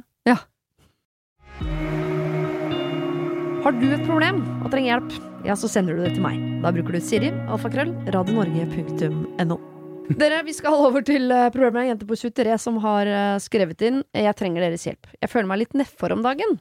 Jeg har flytta tilbake til hjembyen min og fått en fin jobb her. Men jeg kjenner at jeg ser litt dystert på mine sjanser til å trives allikevel. Men jeg akter å endre på det, altså. Jeg kjenner meg ensom og skulle gjerne hatt noe å drive med. Hvordan blir jeg kjent med nye folk, og hva kan jeg finne på? Jeg har liksom ikke noe spesielt som jeg er flink til. Skulle gjerne ha snudd et negativt tankemønster og tror at å gjøre noe helt nytt og bli kjent med helt nye mennesker vil hjelpe. Dere er supre! Jente 23. Det er hyggelig da at vi er supre. Absolutt. Det setter jeg pris på. så jeg alltid- tenker, hun har, no, hun har flytta hjem, så hun kjenner nok folk der og har ting hun har drevet med før. Men? Så det er ikke noe forslag til sånn, ta kontakt med barndomsvenninnen og ta opp igjen håndballen. Altså Hun vil treffe nye folk, nye ting, Ja, ja, ja. men er ikke, tenker ikke at hun er god til noe, da, sånn i utgangspunktet. Nei, det, du trenger ikke være flink til så mye for å ha det hyggelig, tenker jeg. Det er jo bare at man er villig til å gjøre noe. Eh, det er sånn Jeg er blitt overraska over det, at du er 23, Mm. ganske ung, flytter hjem. Hvor er liksom de gamle vennene fra videregående eller et eller annet? Du må liksom Men du må ha Kanskje ikke de har flytta hjem ennå. Sånn som i Son der jeg bor, så flytter jo alle til storbyen. Og så først når de får barn, så flytter de hjem igjen. Så det, er, det, er det bor ingen i Son mellom 18 og 30. Så fasit er at hun har kommet altfor tidlig hjem til hjembyen. tidlig Du må ja, komme deg ut igjen. ja. Kom Ja. tilbake når du er 33! Men det er alltid gøy å være Mm. først på fest. Det må vi ikke glemme. Det er mange som tenker at hvis man er ukomfortabel, eh, så kommer man litt seint på festen når den er i gang. Det er mye bedre å komme først og være med når moroa begynner å skje. Så jeg tror det er helt riktig at jente 23 har flytta hjem allerede nå. Men hun må finne på noe å gjøre, da. Ja, det, jeg, den, den, en, den eneste gangen i livet mitt jeg har vært sånn ordentlig i en situasjon, det var eh, da jeg liksom Da jeg skilte meg. mm -hmm. uh, og var liksom ny på en liten toroms og eh, For du hadde bygd hems, husker jeg. ja, ja, Ja, ja. og da var jeg jo tilbake liksom, i Oslo etter noen år i Drammen og sånn. Eh, og hadde annenhver uke da uten barn. Da var jeg ekstremt opptatt av å sosialisere meg. Ja, Hva Og- gjorde du da? Quiz? Bowling? Hva Nei, jeg, men jeg gjorde det å eh, sosialisere meg til en jobb. Oh, ja. Og jeg gikk da gjennom sånn lister med folk og sånn. Eh, fordi mange av de jeg hadde vært da sammen med den forrige perioden min i Oslo, de hadde jo flytta ut, og det var unger her og der, og det var liksom Så det, de folka gjaldt ikke lenger. Så da hvis det var noen jeg hadde møtt på jobben, eller på et møte, eller hva som helst, og så var det noen Det jeg hadde som mal, var sånn kan jeg sende mail til denne personen Ikke mail, men melding. kan, kan, kan jeg sende melding til denne personen uten at det er flaut? Uten at det er sånn Det var rart at han sendte melding. Mm. Så du må liksom lage deg Prøve å ha litt sosial intelligens på akkurat når er det innafor å sende melding. Ja. Og da er det bare sånn Ut i kveld. Ja. Er skal, skjer det noe? Skal det noe sted? Eh, og så er bare det er, Nå er jo jeg litt sånn rett på-type, og det er, det er nok sikkert verre for m- mange andre. Men da var det bare ok. Hvis du sender til eh, Hvis du sender til ti Du tok inn Jon Arne Riise på de greiene der.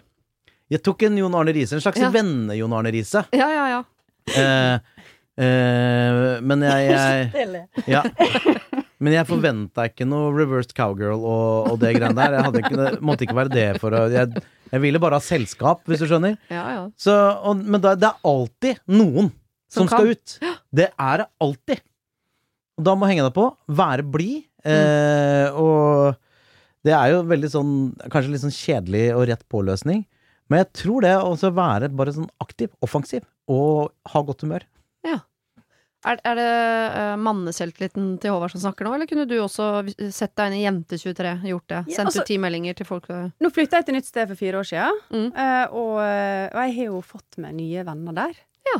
Uh, og jeg jo uh, tar litt tid å komme inn på meg som venn, for at det er litt sånn Ja, sånn Du har så mye hemmeligheter. Eh. Nei, men jeg er jo, jeg er jo litt sånn travel person, da. Sant? Det, det er liksom, og jeg har jo mange venner. Men jeg har jo fått mange fine nye venner i Ski, der jeg bor nå. Eh, og de har jeg møtt på forskjellige måter, så kanskje noen av mine tips kan, kan være noe å ta i. Og det- én ting er jo på en måte å være på fest, og Mhm. ja, komme tidlig. For da får du hilst på folk, og du husker hva de heter, og du får liksom etablert denne her eh, Hei, eh, hyggelig å treffe på deg. For en Eh, samtale før rullegardina går ned, og det bare er Riktig. vokaler, liksom. Absolutt. Ja. Og så er det eh, kanskje naboer, eh, og, og bli kjent med naboen. Eh, Mm. for de har jo sine venner, så møter man, så man liksom bygger nettverk sånn litt her og litt der. Og så kommer trikset. For mange av mine venner har jeg fått vi, med via Instagram. Eh, Ja. Bare med eksempel at eh, hvis jeg legger noe på story, da, så får jeg sånn smiletegn fra noen jenter, da.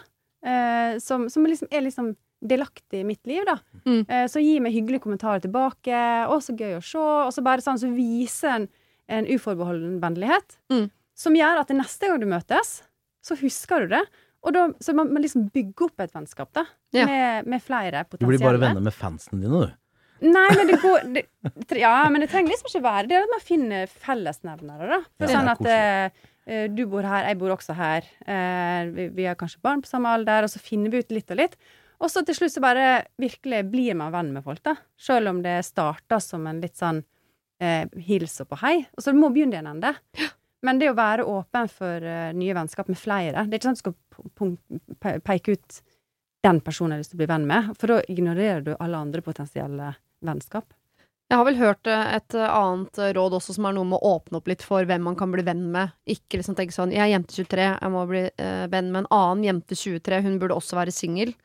Tenk sånn, eh, En venn kan være en nabo, det kan være en dame på 52, eh, det kan være en eh, mann, det kan være Altså, det, du, du må bare åpne opp. I hvert fall hvis du bor på et lite sted, da. Hvis du bare går rundt og leter etter en som bare er en slags kopi av deg selv, så kan det bli litt vanskelig.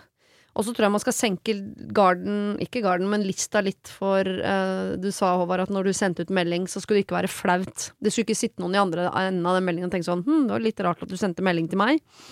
Det tenker jeg at man ikke skal være så opptatt av. Hvis du har møtt noen, og det er hyggelig, eh, og det egentlig er litt tidlig, føles litt prematurt å sende den eh, 'skal vi finne på noe'-meldingen. Så sånn, noen må ta det steget. Jeg vet ikke hvor mange ganger jeg sitter liksom i garderoben i en barnehage eller på en skole og tenkt 'fader, vi har jo veldig god kjemi'. Men det blir veldig rart å si sånn 'skal vi drikke kaffe en dag', eller? Men så gjør man det, da. Og så blir den kaffen Og det er kanskje kleint, men man drikker den kaffen, og det ble hyggelig. Og så ble den kaffen til en øl, og så ble den ølen til et vennskap. Så man må jo være villig til å eh, å, som sier, ta kontakt med folk. Men man må være villig til at det er litt kleint også i begynnelsen. For først, i begynnelsen er det jo kleint, liksom, med folk. Så eh, det er gode råd til å få seg venner. Men er det noen eh, Vi var så flinke på hobbyer i stad. Hun har lyst på en hobby òg. Er det noe hun alene kan drive med som tar litt tid, som er gøy? Som man ikke trenger å være flink til? Treningssenter er veldig sosialt. Treningssenter? Ja. Ja. Og Kanskje også noe sånn ikke liksom bare sitte og pumpe jern, men melde seg på et sånn uh, intensivt tiukers pilateskurs, liksom. Jeg tenkte på badminton. Åh, det har jeg så lyst til å begynne med! Ja. Det fins ikke innendørs Ja, men det er jo to og to. Da må du ha noen å spille med. Kan spille double. Nei, men du kan melde deg inn i klubb. Melde deg inn i badmintonklubb, badminton. Ja, liksom. Lære en, en ny ferdighet Ja. Ja. sammen med andre. Det er observert i Son at de har blitt en sånn tennisgjeng med masse damer jeg ikke oppfatter at eh, kjente hverandre for et Ja, år siden. Ja. Jeg var med på tennis og vin en gang. Kjempegøy. Veldig gøy. Ja, og vin, vin Hvilken er veldig bra sånn icebreaker, altså. Ja. Mm. Det Gjøvik. tennis og vin, eller vin og tennis? Eh, vin og tennis. Vin og tennis. Ja.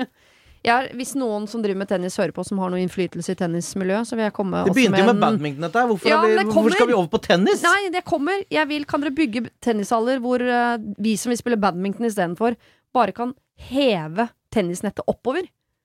Ja, ja, For det finnes så mange innendørs tennishaller, men det finnes ingen innendørs badmintonhaller. Det er jo pakker meg samme bane og samme nett, og få det nettet opp. Jeg ble, sorry, jeg ble litt sinna. Koselig. Jeg elsker å se badminton i OL. Dette er et sidespor. Jeg tar det bort, men det er en fantastisk sport. Nei, Det går så- Jente 23, begynn å spille badminton. Ja, å spille det er badminton. dritgøy. Og det er veldig konkret råd. Ja, og ikke kom med sånn padel-greier fra sida nå, for det er så innmari trendy. Nei. Spill badminton. Gode, gammeldags badminton. Og send meldinger til folk du syns er hyggelig. Mm. Og bare gå gjennom det litt kleine, og ikke kjenne folk så veldig godt. Hvorfor dropper flere gutter enn jenter ut av skolen? Hvorfor begås 70% av alle selvmord av gutter og menn? Og hvorfor blir færre gutter og menn diagnostisert med psykiske lidelser? Ikke fordi de ikke har problemer, men fordi de ikke ber om hjelp. Vi må snakke om gutta. Vi skal få inn et, eh, et spørsmål som vi har fått da via Mental Helse Ungdom. Oskar som jobber der, som eh, prøver å, å få dere gutta til å våkne opp litt. Så innse at dere også trenger hjelp, du og Håvard. Ja, ja. Eh, og så må dere tørre å spørre om det. Og her er altså ukens problem. Hallo, Siri og de gode hjelperne. Jeg har fått inn et klesproblem fra en person som skriver. Jeg liker så godt å gå i singlet, men føler det blir gjort mye narr av det. Jeg har en helt vanlig kropp, er verken topptrent eller utrent, men jeg blir alltid veldig selvbevisst når jeg går i singlet. Hvordan kan jeg eie livet i singlet? Med vennlig hilsen Eilev, 27 år. Oi, oi, oi, oi, oi, oi. Eilev Kjus Altså, ja. Det, livet skal bli vanskeligere enn det der. Det må jeg bare få lov til å begynne med å si. Her, eh, Jeg skjønner at vi kanskje trenger noe av den derre eh, eh, mannete selvtilliten, men hva, jeg vil høre med deg først, Marna, hva du tenker. Hvordan skal Eilev klare å eie livet i singlet? Ja, altså, hvis det er det eneste problemet han har her i verden, så misunner jeg han. Da, Ja. Eilef, du, er, du piker på livet. du har det bra. Ja. Bare ikke tenk på den singleten, bare gå med den. ja, er det nesten en sånn Ja, men det eh, er hele Det er jo hele hemmeligheten. Fordi at eh, Er du en singlet-fyr, mhm. så vil jo folk kikke mer på deg Mm. enn hvis du er en T-skjorte-fyr. Altså, det ligger til grunn. Sånn fungerer omgivelsene. Det er Men hva legger du i singlet-fyr? At du er en fyr som kler singlet, eller en fyr som, Nei, bruker singlet? Som, som går med singlet Ja, i det offentlige rom. ja, Det, det er jo det som er her. ikke sant? Det er det han ønsker. Ja. Jeg ønsker å være mann med singlet i det offentlige rom. Ja. Det, det er hans Det er tydelig formulert òg. mhm. Og da vil jo folk hvis, hvis det er en fyr med singlet på gata, så er det mer sånn en fyr i singlet. Altså, det er jo Det registrerer du jo. En fyr i T-skjorte, det bare går forbi. ja. Ikke sant? Så det er som Maren antydet, at det eneste måten å bære Å være mann i singlet-fyren, Mhm. det er at du må omfavne det og elske det, og når folk eh, ser på deg, så må du bare tss, Det bare går, for vet du hvem jeg er? Jeg er mann i singlet. Nå følte jeg at jeg fikk sånn unikt innblikk i, i manneverden som ikke jeg var klar over. Fordi jeg trodde Jeg var klar over at en del jenter har en sånn 'jeg kan ikke gå i singlet, for jeg har så stygge armer'. Det er en setning jeg syns jeg har hørt jenter si veldig mange ganger. Og så er det Jeg tror aldri jeg har tenkt om Jeg tror aldri jeg har sett en jente i singlet og tenkt sånn nei, du kan ikke gå i singlet, for du har for stygge armer'. Men jeg tror man er ekstremt selvbevisst på sine egne armer. Og da tydeligvis er dere menn også det, da. Nei, For jeg, jeg er ikke en singlet. si- jeg er vil- ikke han fyren som er i singleten. Jeg vil ikke si det handler om det. Jeg vil si at det handler om at, eh, at eh, for, for meg, da, som mann, så er en kvinne i singlet er ikke noe issue. For det er liksom Ja, for meg er det omvendt. Det, det er altså, Jente i singlet? Ja, selvfølgelig. Det gjør Ja. du hele tiden. Det er jo en del av, eh, alle, mange jenters basisgarderobe å ha noen eh, flotte singletter eh, liggende i ulike kulører. Men, men mann i singlet, det mener jeg Er dere ikke enig? Det er Er det helt, statement, nesten? helt annen type statement, ja! Er du enig i dette, Marna? For jeg trodde singlet var et større problem for oss jenter enn for Det, det, Ja, men det er så rart at du sier! Jeg men synes at singlet det, det er jo ganske avslørende på kropp, og det vil jeg selvfølgelig invitere til, eh, til mange personlige issues. Ja. Men jeg har løst mitt singlet-problem med at det finnes mange typer singleter. Ja. Så jeg finner bare en singlet som har en, en størrelse og en passform som, som jeg syns passer meg, da. Ja. Så da Nå har du funnet en singlet som skjuler armene. Eh, nei. Men det kan jo ha litt sånn med hva bredde det er på stroppene, og selvfølgelig hva stoff det er, og hvor løs den er, og sånne ting. Ja. Så jeg tenker at eh, Nå vet jeg ikke hva slags singlet eh, han her på 27 år går med, men Nei. han kan jo eh, overkompensere med å bare eie den singleten med å gå med en statement-singlet, en, som kanskje han har et eller annet, og vær som det er sånn basketballsinglet eller noe sånt. Eller Mm. hvis han går med sånn netting-singlet. Det Mm. håper jeg ikke at han gjør. For det, er, det må jeg bare si. Det kler ingen. Ja. Gode, gamle wife-beateren. Det er klassisk plagg. Den liker ikke vi. Nei. Men hvis han, går, hvis, han, hvis han er litt vask og går i en stram singlet, så kan han kanskje gå opp en størrelse, og så ser ikke så gal ut likevel. Altså, bare for Ja. å bevise at mitt poeng er riktig. Jaha. Eh, jeg, min påstand er at av kjente norske kvinner så er det massevis som du har sett i singlet. Mhm. Helt vanlig. At de legger ut ting på SoMe eh, av seg selv i singlet, at de går på fest i singlet, Mhm. at de bare har singlet. Men i det offentlige rom i Norge, som bare går med singlet, det er sjeldnere, Ja, det er og det er mye mer sånn statement-folk.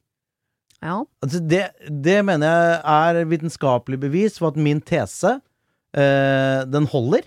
ja. At eh, menn i singlet er mye større statement enn kvinner i singlet. Ok. Jeg er jeg med på det. Ja. Jeg er litt med på det. Og Men jeg- jeg derfor så må han bare eie det 100 Vi har ikke sett Stoltenberg i singlet, liksom. Jeg har ikke det. Ikke Erna heller. Eh, han lurer på hvordan eie livet i singlet, og da sier vi eh, liv i singlet, hvordan eie det? Du må eie det. Det er på en måte et litt sånn eh, vagt råd, vil jeg påstå. Ingen diskred til dere, men, eh, men det er jo det som er svaret også. Hvordan eie det. Du må eie det, men det handler jo om, om selvtillit. Du Og hvordan du skal få selvtillit i, i singlet. Jeg vet Men han kan ha en superkul singlet, da. Som, ja. som eh, At han kler på seg en selvtillit som han kanskje ikke har. Så vil han kanskje få den. Og da vil jeg gå motsatt i stedet for å gå opp en størrelse. Jeg ville ikke gått opp en størrelse, for hvis du prøver å måte skjule kropp ved å gå opp en størrelse, syns jeg noen ganger det fungerer mot sin hensikt. Jeg, jeg kan jo si at jeg syns jo en øh, øh, sånn stor, litt korpulent mann er noe av det deiligste jeg vet om. Ikke sant? Uh, og at han går i singlet, hvis han bare er liksom rak i ryggen og går med den singleten, og den er litt tight, syns jeg er døds... Jeg synes det er dritdeilig. Det tenker Dette er en mann som kan stå i all offentlighet og spise ostesmørbrød og gi helt fullstendig faen det. Det syns jeg er meget appellerende. Som jeg, jeg applauderer menn i singlet. Alle øh, former i singlet. Hele Absolutt. Norge singlet. Er Hele det, Norge singlet, er det en ny Ny hashtag. Ja, det, det er min parole på 1. mai, 8. mars. Det skal bare det skal være min parole hele neste år. 2022. Menn i singlet. Hele Norge i singlet. Jeg vet hva, ærlig, eh, eh, bare, bare gå i singlet, helt til det føles naturlig. Mm. Det er, eh, så lenge du liksom oppfører deg som om du er dritdeilig i singlet, så er du dritdeilig i singlet. Sånn er det bare. Jeg syns i hvert fall det. Ah, Og spiser gjerne ostesmørbrød. Nå ser jeg for meg Liv. Han har sånn kropp som Atle Antonsen, som er noe av det fineste jeg vet om. Står i singlet et eller annet sted i et offentlig rom, spiser ost og smørbrød. Det er så vakkert. Jeg syns det er veldig vakkert. Hele Norge. Ok, det er veldig rart å gå fra det. Hvorfor måtte jeg gjøre det, da? Hvorfor måtte jeg si det når vi skal over på dette problemet? Dette beklager jeg på forhånd. Jeg er i starten av 20-åra og har en venn som er like gammel som meg. Vi har kjent hverandre noen år nå og har alltid kommet overens. Hun er hyggelig, morsom og har bein i nesa. Men de siste årene har hun slitt med spiseforstyrrelser. Jeg og flere av vennene våre har prøvd å ta tak i det, men det blir stadig verre. Hun selv sier hun blir bedre, men basert på utseende og oppførsel virker ikke dette til å stemme. Og det er det jeg lurer på. Hvordan hun ser ut, er ikke noe vi snakker om. Vi er klar over at hun er syk, og det er hun også. Vi vet etter flere samtaler med henne at det ligger mye bak. Oppførsel og kommunikasjon med henne er noe annet. Man får ikke ta noen avgjørelser selv når man er sammen med henne. Hun er sjefete og skal helst ta det på sin måte, ellers tror hun vi er imot henne. Svarene på spørsmålene er korte, sarkastiske og av og til ganske frekke. Når hun forteller om sitt liv, er jeg selvfølgelig interessert, jeg lytter, men når jeg snakker om mitt, hører hun ikke etter, og hun svarer ikke. Det er vanskelig å føre samtaler, og hun sier hun ikke er interessert i mine temaer. Når hun er lei seg, så er jeg der. Når jeg er lei meg, bryr hun seg ikke. Jeg er veldig glad i henne, jeg vil alltid være hennes venn, men jeg begynner å gå tom for måter å si ifra at hennes måte å oppføre seg på ikke er greit. Jeg skjønner at det er vanskelig for henne, men etter så lang tid begynner man å bli påvirket selv, og jeg er redd jeg kommer til å, føle at jeg trenger en pause fra henne for å verne meg selv. Setter pris på deres tanker rundt dette. Dere kan kalle meg Charlotte. Huh, pause fra å gi råd, her skal vi bare tenke. La oss tenke høyt. Her er det, og dette er så typisk, det er en som det åpenbart eh, sliter med noe, og som det er synd på, men så klarer man jo ikke, selv om man er god venn, å, å, å svelge alt allikevel. Man må jo få lov til å bli irritert på en som har problemer. Det, men det syns tydeligvis Charlotte er vanskelig. Hun er irritert på venninnen sin, selv om hun vet at det venninnen trenger, er omsorg. Hva gjør man da, Marna? Nei, altså um, Nå vet jeg ikke så mye om, om spiseforstyrrelser, men jeg vet at det er en bakenforliggende grunn til, uh, til spiseforstyrrelser både blant gutter og jenter kan være det å ha eh, Altså det er en form for kontrollbehov. Og det Mm. høres ut som at hun har veldig kontrollbehov, siden hun skal bestemme alt. Men så høres det ut som at hun også er liksom både paranoid og arrogant og emosjonelt avspist. Mhm. Så det er klart at denne jenta her trenger jo hjelp, i tillegg til kjærlighet. Mm. Så eh, jeg vet ikke, kanskje Er hun under et medisinsk opplegg? Går hun til legen sin? Får hun hjelp, liksom? La oss håpe at hun får hjelp med spiseforstyrrelsen. Eh, det må vi bare anta at hun får, for det er det jo ikke venner som skal ordne. Der, der må det noen andre profesjonelle inn. Det som er vanskelig, er å vite hvordan man skal være venn i en sånn fase. Og jeg er helt enig, det ligger alltid noe bak. Hun har antageligvis et kontrollbehov. Og når man er syk, uansett hva det slår ut i, så har man jo ofte nok med seg selv. Så den derre 'jeg har behov for at dere hører på meg, men jeg orker faktisk ikke å høre på dere'. uh, Jeg skjønner at det kan virke litt sånn ufyselig, men jeg, jeg kan også forstå at man har det sånn. Og så forstår jeg at det er vanskelig å være venn med. Men Charlotte vil jo Hun sier at jeg, jeg skal være der for bestandig uansett. Men bare finne en måte Charlotte kan være der på for bestandig uansett, uten å bli spist opp sjøl, da. Ja, du er nødt til å porsjonere det, da. Ja. Eh, for det, som dere sier, det, altså Hennes venn er jo en person med en sykdom, Mm. ikke sant? Eh, men også en sykdom som handler om om hvordan man oppfatter seg sjæl og verden og, og alt. Eh, og som Det som jeg tror er sånn med anoreksi og sånn, er at det, Som er vanskelig, ikke sant, er for at de som Vi som ikke har hatt det, og ikke er kanskje sånn som har den personligheten vi kan få det, det er noen ganger det er litt vanskelig å forstå. Mm. Det er krevende for oss andre. Det er alltid Det er sånn For meg ser et menneske som er liksom så tynt som når du ser sånn virkelig anoreksiofre, så er det det, det, Jeg har vanskelig for å få huet mitt rundt Ok, hvorfor ikke Men ikke sant, sånn er det ikke. For de er syke, de klarer ikke å bare spise og, og, og bli friske igjen. Og jeg vil jo tro at når du er i en sånn situasjon, da, da er det bare det livet dreier seg om, sikkert. Mm. Eh, og, og for andre vanskelig å ta inn over seg, vanskelig å fatte helt. Eh, men du må bare Jeg tror hun må bare porsjonere det, for jeg tror ikke Charlotte vil Det kan godt hende Charlotte ikke vil like seg selv i det hele tatt hvis hun da liksom ikke har kontakt med venninna mer, at det er liksom nesten som en del av en livsoppgave, ikke sant? Jeg vil alltid være der for henne, Mm. Eh, og det er jo sympatisk. Men da tror jeg du bare må liksom, ok, nå setter jeg av den tiden. Da er jeg der for henne, og så lar jeg henne tømme seg, Mm. eh, og si og gjøre det hun må og trenger. Og så må jeg lukke den døra, Mm. og så må jeg gå videre til det som er lettere. Det høres ut som uh, du tenker at øh, Charlotte må tenke at man har jo mange venner, og man kan ha venner til forskjellige ting. At man har noen venner som Jeg har jo noen venner vi snakker bare om uh, de ubrukelige fedrene våre. Uh, og så har jeg venner vi snakker utelukkende om interiør. Jeg har noen venner som jeg bare har det gøy med, snakker aldri om dype følelser. Jeg har noen som jeg snakker om mine ting, og så er det noen som bare snakker om sine ting. Tenker Hvis Charlotte kan være der for venninnen sin, men tenke at det er, ikke, det er ikke deg jeg går til med mine ting, det gjør jeg til noen andre. Så når jeg er sammen med deg, så er det deg det handler om, i hvert fall i disse årene, og de årene skal du få. Eh, for jeg tror ikke Å legge ytterligere forventninger på den jenta her om at du også må kunne levere når jeg trenger, da tror jeg dere mister henne, på en måte. For det, det er ikke sikkert hun orker, da trekker hun seg unna, og da, da blir det bare enda vanskeligere. Men, uh, men hun skal ikke få lov til å liksom bare oppføre og si akkurat som hun vil, så hun må få lov til å få en Hvis hun er veldig sjefete når dere først er sammen, så er det lov å si sånn Nå syns jeg du bestemmer veldig mye, jeg har også lyst til å være med. Så det må kunne gå an uh, Man skal ikke bare please og serve hele veien, men ha noen andre forventninger i denne perioden til henne enn du har til dine friske venninner. Det, det tror jeg man bare må ha. Kan det hende at hun trenger litt tilbakemeldinger, da.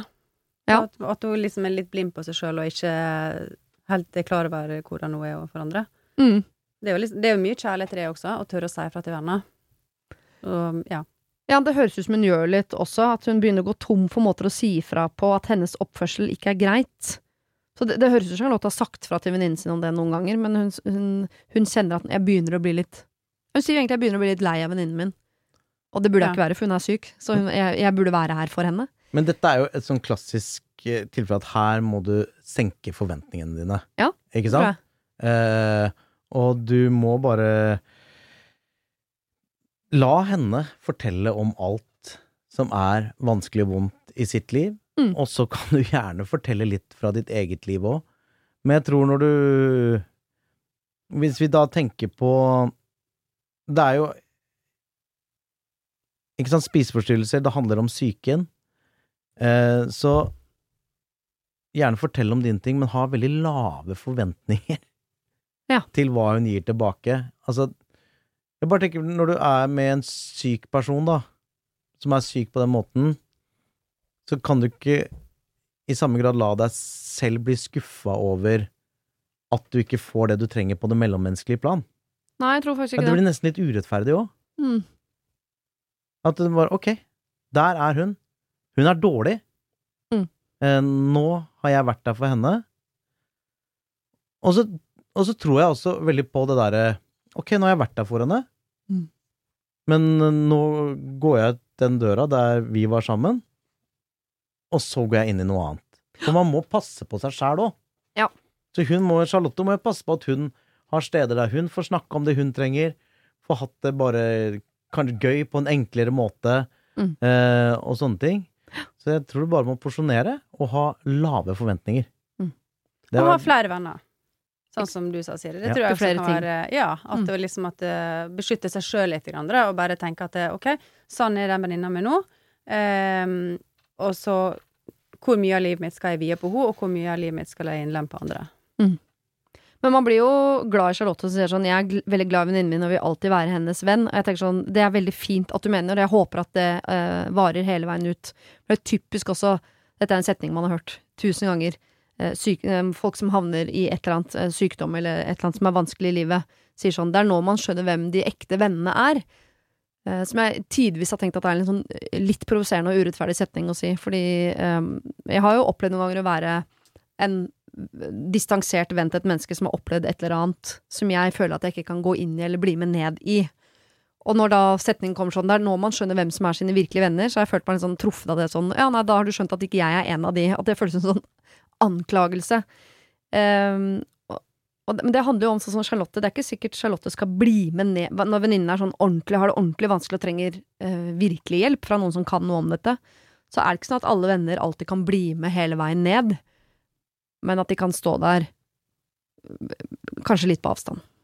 Hvis dere skjønner hva jeg mener. Mm. Jo, man kan jo hjelpe venner på mange forskjellige måter. Ja. Sant? Og liksom, det kan jo være sånne små ting også som er med på å bidra til at den personen får det bedre. Mm. Men det er klart at man skal jo eh, Altså til hva pris, da? Man er jo nødt til å, tenke litt på seg sjøl også. At man finner en balanse der. Så jeg tror Charlotte trenger å høre at hvis, når du nå tenker litt på deg selv innimellom, det skal du, det er veldig, veldig fint. Det betyr ikke at du er egoist, men vi håper du også mener at du skal være hennes venn for bestandig. Men ha flere venner til hvert sitt bruk. Eh, og ikke slite deg ut på dette, liksom, men, men, men vær der for henne når, eh, når hun trenger det, og ikke forvent så mye tilbake i akkurat denne perioden. Ok, vi skal inn i en kjærlighetssorg. Noen som har eh, opplevd? Marna, Håvard, hatt kjærlighetssorg? Ja, ja, ja, er du gæren? Masse? Massevis. Massevis, ok. Hei, Siri og dine utvalgte. Jeg er en jente som akkurat har ramla inn i 20-åra med et smell. La meg fortelle dere at tenårene savnes allerede. Jeg trenger hjelp. Med noen voldsomme kjærlighetsproblemer. Og jeg trenger meninger. Jeg og denne gutten har vært sammen i ett og et halvt år, vi har hatt et kjempegodt forhold, den typen forhold ingen tror kommer til å ta slutt.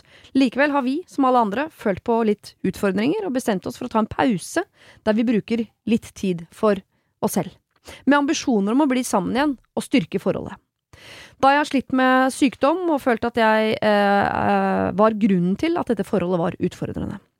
Det var i hovedsak jeg som foreslo pausen, men eh, han fortalte meg at han var helt enig, og at det var en god idé. Alt for at vi skal bli sterkere sammen. Rett etter bruddet fikk jeg høre at han følte seg dumpet, og klikket altså helt. Det tok to uker før han rulla i laken med noen andre, som var greit i forhold til hva vi har blitt enige om, men likevel ekstremt sårende, da han ikke egentlig er den typen. Han oppførte seg også kaldt og direkte slemt de første ukene etter bruddet, og han drakk hele tiden. Altså, dette er ikke den gutten som jeg elsker. Det tok ikke lang tid før jeg sa at jeg ville ha han tilbake, men også da fortalte han at han trengte mer tid til å tenke på seg selv, og at han ikke ville ha forholdet akkurat nå. Så bordet har snudd. Men oppi dette kaoset er han helt klar på at det skal bli oss to igjen. Han har lovet meg at vi to skal bli sammen igjen, og at det ikke er snakk om så lang tid. At han bare trenger litt mer. Nå har jeg konfrontert han med dritten hans, eh, og han sier de nydelige ordene kjære deg, det er jo du som er jenta jeg elsker, og unnskyld. Han vet å ha meg rundt lillefingeren, om dere skjønner vel. De gangene vi har vært sammen etter bruddet, så eh, kjennes alt som før. Kan noen av dere skjønne hva som har skjedd i hodet hans? Jeg vil jo stole på han, fordi den han var når vi var sammen, ville jeg gitt alt for, men den han er etter bruddet, er vanskelig å stole på. Det skal sies at han har roet seg etter utforkjøringa si, vi har eh, kontakt daglig, og det kjennes veldig bra. Han er opptatt av hva jeg driver med, men likevel så er det jo vanskelig å stole på at han eh, eh, sier at det skal bli oss to en dag igjen, når han ikke er så interessert i forhold akkurat nå. Er det rettferdig at han spør om denne tiden? Det jeg lurer aller mest på, om dere forstår konseptet, eh, trenger tid, men at jeg lover at det blir oss to eh, igjen snart, er det pålitelig? Det er ikke tema å pakke sekken og gå riktig ennå, selv om det kanskje er det jeg burde gjøre. Hjelp! Dere kan kalle meg Louise og han for Tobias. Altså, eh, utforkjøringa, hvis noen tenkte at det var Ja, jeg skjønte det. Ja, det var når han rulla i laken og drakk Ja. hele tiden og greiene der. Holdt på Altså, han har blitt en helt annen fyr etter at de to slo opp. Men han sier at det skal bli de, de to. Skal hun stole på han, skal hun vente på han. Poenget er jo Jeg ser poeng, på hele Mala at hun tenker løp her, men det er tredje gang. Nei, nei, nei, Tredje gang nei. fram hun tenker sånn Kom deg vekk! Poenget, poenget her, sånn som jeg leser det, er jo idet hun sa pause, Mm. så tenkte han da er det kanskje over. Og, Ja. det, og sånn er det jo, tror jeg mange ganger òg, i det virkelige liv, at uh, hvis den ene parten ber om pause, Mm. Så er det jo litt sånn ok, da ser vi på andre muligheter her. Mhm. Eh, fordi hvis du er i et forhold som lugger litt vanligvis, da er det jo Tror jeg, da. Men det, altså f- Kunne jo vært ungen min, liksom. Så det er jo, det er jo helt andre typer følelser. Hun er jo veldig ung. Ja. Eh, I hvert fall i forhold til meg. Eh, Men det er nesten alle. det er, det er store deler av Norges befolkning. Men jeg prøver likevel, da. Men eh, bare tenk på det. Det er som en halvgammal mann som prøver å sette seg inn i dine problemer, så alt blir jo ikke helt presist med tanke på hvor sterkt ting føles og sånn. Men jeg tror det er generelt lurt, da, at hvis du er i et forhold, Mm. og ting lugger litt, prøv å finne ut av det. Altså gå litt i dybden. Hvis det Istedenfor å ta pause? du vil være sammen med, istedenfor å si skal vi ta en liten pause? Ja. For Hvis jeg hadde vært sammen med noen, og det er, jeg, jeg innser jo det at det er helt rart å si, fordi vi, det er til, ting Det er ingen i annerledes ut. 40-50-åra som tar pause. Nei. Det er et ungdomsfenomen. Det er et ungdomsfenomen, så det er litt sånn rart å sette seg Ja. til doms over det. Men jeg tror bare at når du sier til noen 'skal vi ta pause', så vil den andre parten eh, oppleve at den graden av sikkerhet for Mm. om det skal bli oss i lang tid, Mm. den er så til de grader mindre. Og de har jo også blitt enige om hva som er greit i den pausen, så det at han ruller i lakenet med andre, var de jo enige om at var greit, så han har jo ikke egentlig gjort noe ulovlig. Jeg tror det, det hun blir skuffa over, er hvor annerledes han er som singel versus hvordan han er i et forhold. Og det kan jo være to helt forskjellige mennesker. Så jeg skjønner den skuffelsen. Hvem er du nå? Hva skjedde med deg? Men uansett hvordan jeg vrir og vender på det, altså pause betyr jo slutt. Så han har jo blitt dumpa av henne. Ja. Og det, for det var jo hun som tok initiativet til å si et det slutt. Og jo, han sa at ja, jeg er enig i det. det kan, altså gutta er usikre i begynnelsen av 20-åra. De har ikke peiling. Så klart han sier at ja, det er greit, liksom. Men inni seg så er han helt sikkert opplevd å bli dumpa. Mm. Og han er jo sikkert redd for å bli såra. Og hvordan beskytter gutta seg for å bli såra? Jo, de hacker rundt. Det er sånn de gjør. Ja. I hvert fall før denne frontallappen er grodd på plass. Men så tenker jeg at det kan jo også hende Gutt under 30 år, ikke stol på deg. Generelt. Hva mener Hva du? mener Det er Nei, men jeg syns bare dette her er så Jeg syns bare det er så klassisk sånn um, pausebrudd i 20-åra hvor det er jo for For det virker så Det er jo intense følelser. Så uh, Louise og Tobias har sikkert vært helt sykt forelska i hverandre. Hvorfor gjorde at- du slutt med han, da? Nei, akkurat da, Hun var syk, og det var sikkert opplevd litt avstand, visste ikke hvordan de skal løse opp i det. Og du vet, når man ikke vet hvordan man løser et problem, så tenker man sånn åh, la oss bare få det litt på avstand. Jeg, jeg, jeg skjønner den pakka der. Mm. Og så oppfører han seg da som singel, noe han jo på en måte er. Og eh, singel gutt oppfører seg annerledes enn gutt i forhold. Samme med jenter. Singel jente oppfører seg annerledes enn Ja, ja. jente i forhold. Så den skuffelsen kan jeg skjønne, men det er veldig typisk når man tar pause eller gjør det slutt, at man sier sånn eh, vi, kan vi ikke Om fem år så blir det oss to igjen. Man tenker at det vi har hatt, er så fint at dette, dette kan ikke være slutten. Det blir oss to igjen. Men jeg tror antall ganger hvor det faktisk skjer, statistisk sett, meget lavt. Ja. Meget lavt at man blir sammen igjen. Pause det er jo bare sånn snilt ord. Det er bare pynta ord. Ja, men det, Det er er det, egentlig- som men er det er deilig med pause, er at da må man ha en dialog på et eller annet tidspunkt om skal den pausen Ja. vedvare, eller skal vi tilbake. Dette her minner meg om en Friends-episode. We were on a break! Den. Men, ja. ja. Men så er det jo også sånn at når du er ja, den tidlige 20-åra, så er jo følelser ekstremt sterke. ja, ja, ja. Og, Så gøy. Ja, det er så gøy, men også potensielt så utrolig vondt, da. Og så mye mer at du opplever det at de følelsene du har for noen, for et eller annet, er ting du føler for første gang. Ja. Eh, og da oppleves jo alt som nesten sånn livsavgjørende. Og Eh, unikt. Og unikt, Ja, og noe unikt. som aldri du kan få igjen, eller som aldri noen andre har opplevd. Så det er liksom eh, Så jeg skjønner jo at for henne så er dette her helt eh, Så er dette utrolig vanskelig. Mm. Eh, så, men hun må jo Og hun har vært sjuk òg, ikke sant. Det altså kompliserer jo ting, da. Mm. Vanskelig Vanskelige greier. Men hun lurer på om hun skal pakke sekken og gå. Uh, og det kan jo hende for sin egen del at det er det hun skal gjøre. I sted, den pausen, der er det jo så mye usikkerhet at det, man blir jo aldri klok på noe som helst. Hvis, hvis hun definerer det litt mer, sier sånn, vet du hva, kos deg, Tobias, i livet ditt. Jeg uh, vi, vi, vi sier at det er slutt. Ja, nå virker det som det er en situasjon som han kontrollerer helt, ikke sant? Mm. Eh, hun tenkte Bordet har snudd. Ja, hun tenkte jo at hun var den sterke Mhm. idet hun ba om pause, men eh, nå er det annerledes. Så jeg tror hun bare må ta, mm, som du antyder, da, kontroll på situasjonen og sitt eget liv, og, Snu bordet igjen. og snu bordet. Og da er det jo også Han får jo posesekk akkurat nå. Ja. Det er jo, hun er jo holder hun varm, samtidig som han leker seg med andre. Og så det er jo eh, fin posisjon for han, det. Og jeg vel tenkt at forskjellen på slutt og pause er såpass liten at det kan nok hende de definerende ordene der gjør at et eller annet i hodet hans etten da, så, så blir det slutt, og så er det slutt. Eller så får det han til å tenke sånn, nei, men det, det vil jeg jo ikke. Nei, men da kan du jo også si enten sammen eller slutt. Ja.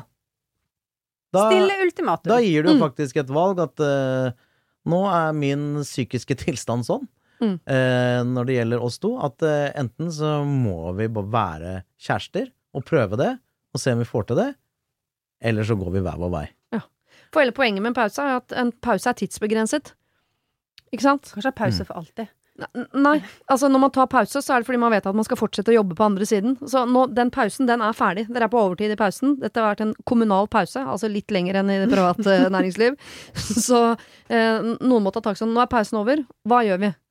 Går vi, eh, leier vi ut herfra, eller går vi hver vår vei? Så eh, pakke sekken kan du godt gjøre, Louise, men du må si fra til Tobias at nå pakker jeg sekken, og så må du enten bli med, eller så må du ikke bli med. Pausen er ferdig. Helt enig. Det var de problemene vi rakk. Åtte problemer. Verden er litt lysere. Kanskje. Selv om Marla, du har tenkt 100 ganger i dag sånn. Du, bare, du må bare løpe derfra. I hvert fall tre ganger. Løp derfra. Det er, det er Marlans løsning på alt problemet. Ba, ba stikk! Løp. Ba stikk! Stikk! Kom deg videre! Men hva er din løsning på alt, Håvard? Hæ? Snakk om det. Snakk om det, avdekk, og deretter gå videre. Det var det. Husk å sende ditt problem til siri at radionorge.no om du vil ha hjelp. Denne podkasten er produsert av Klynge for Bauer.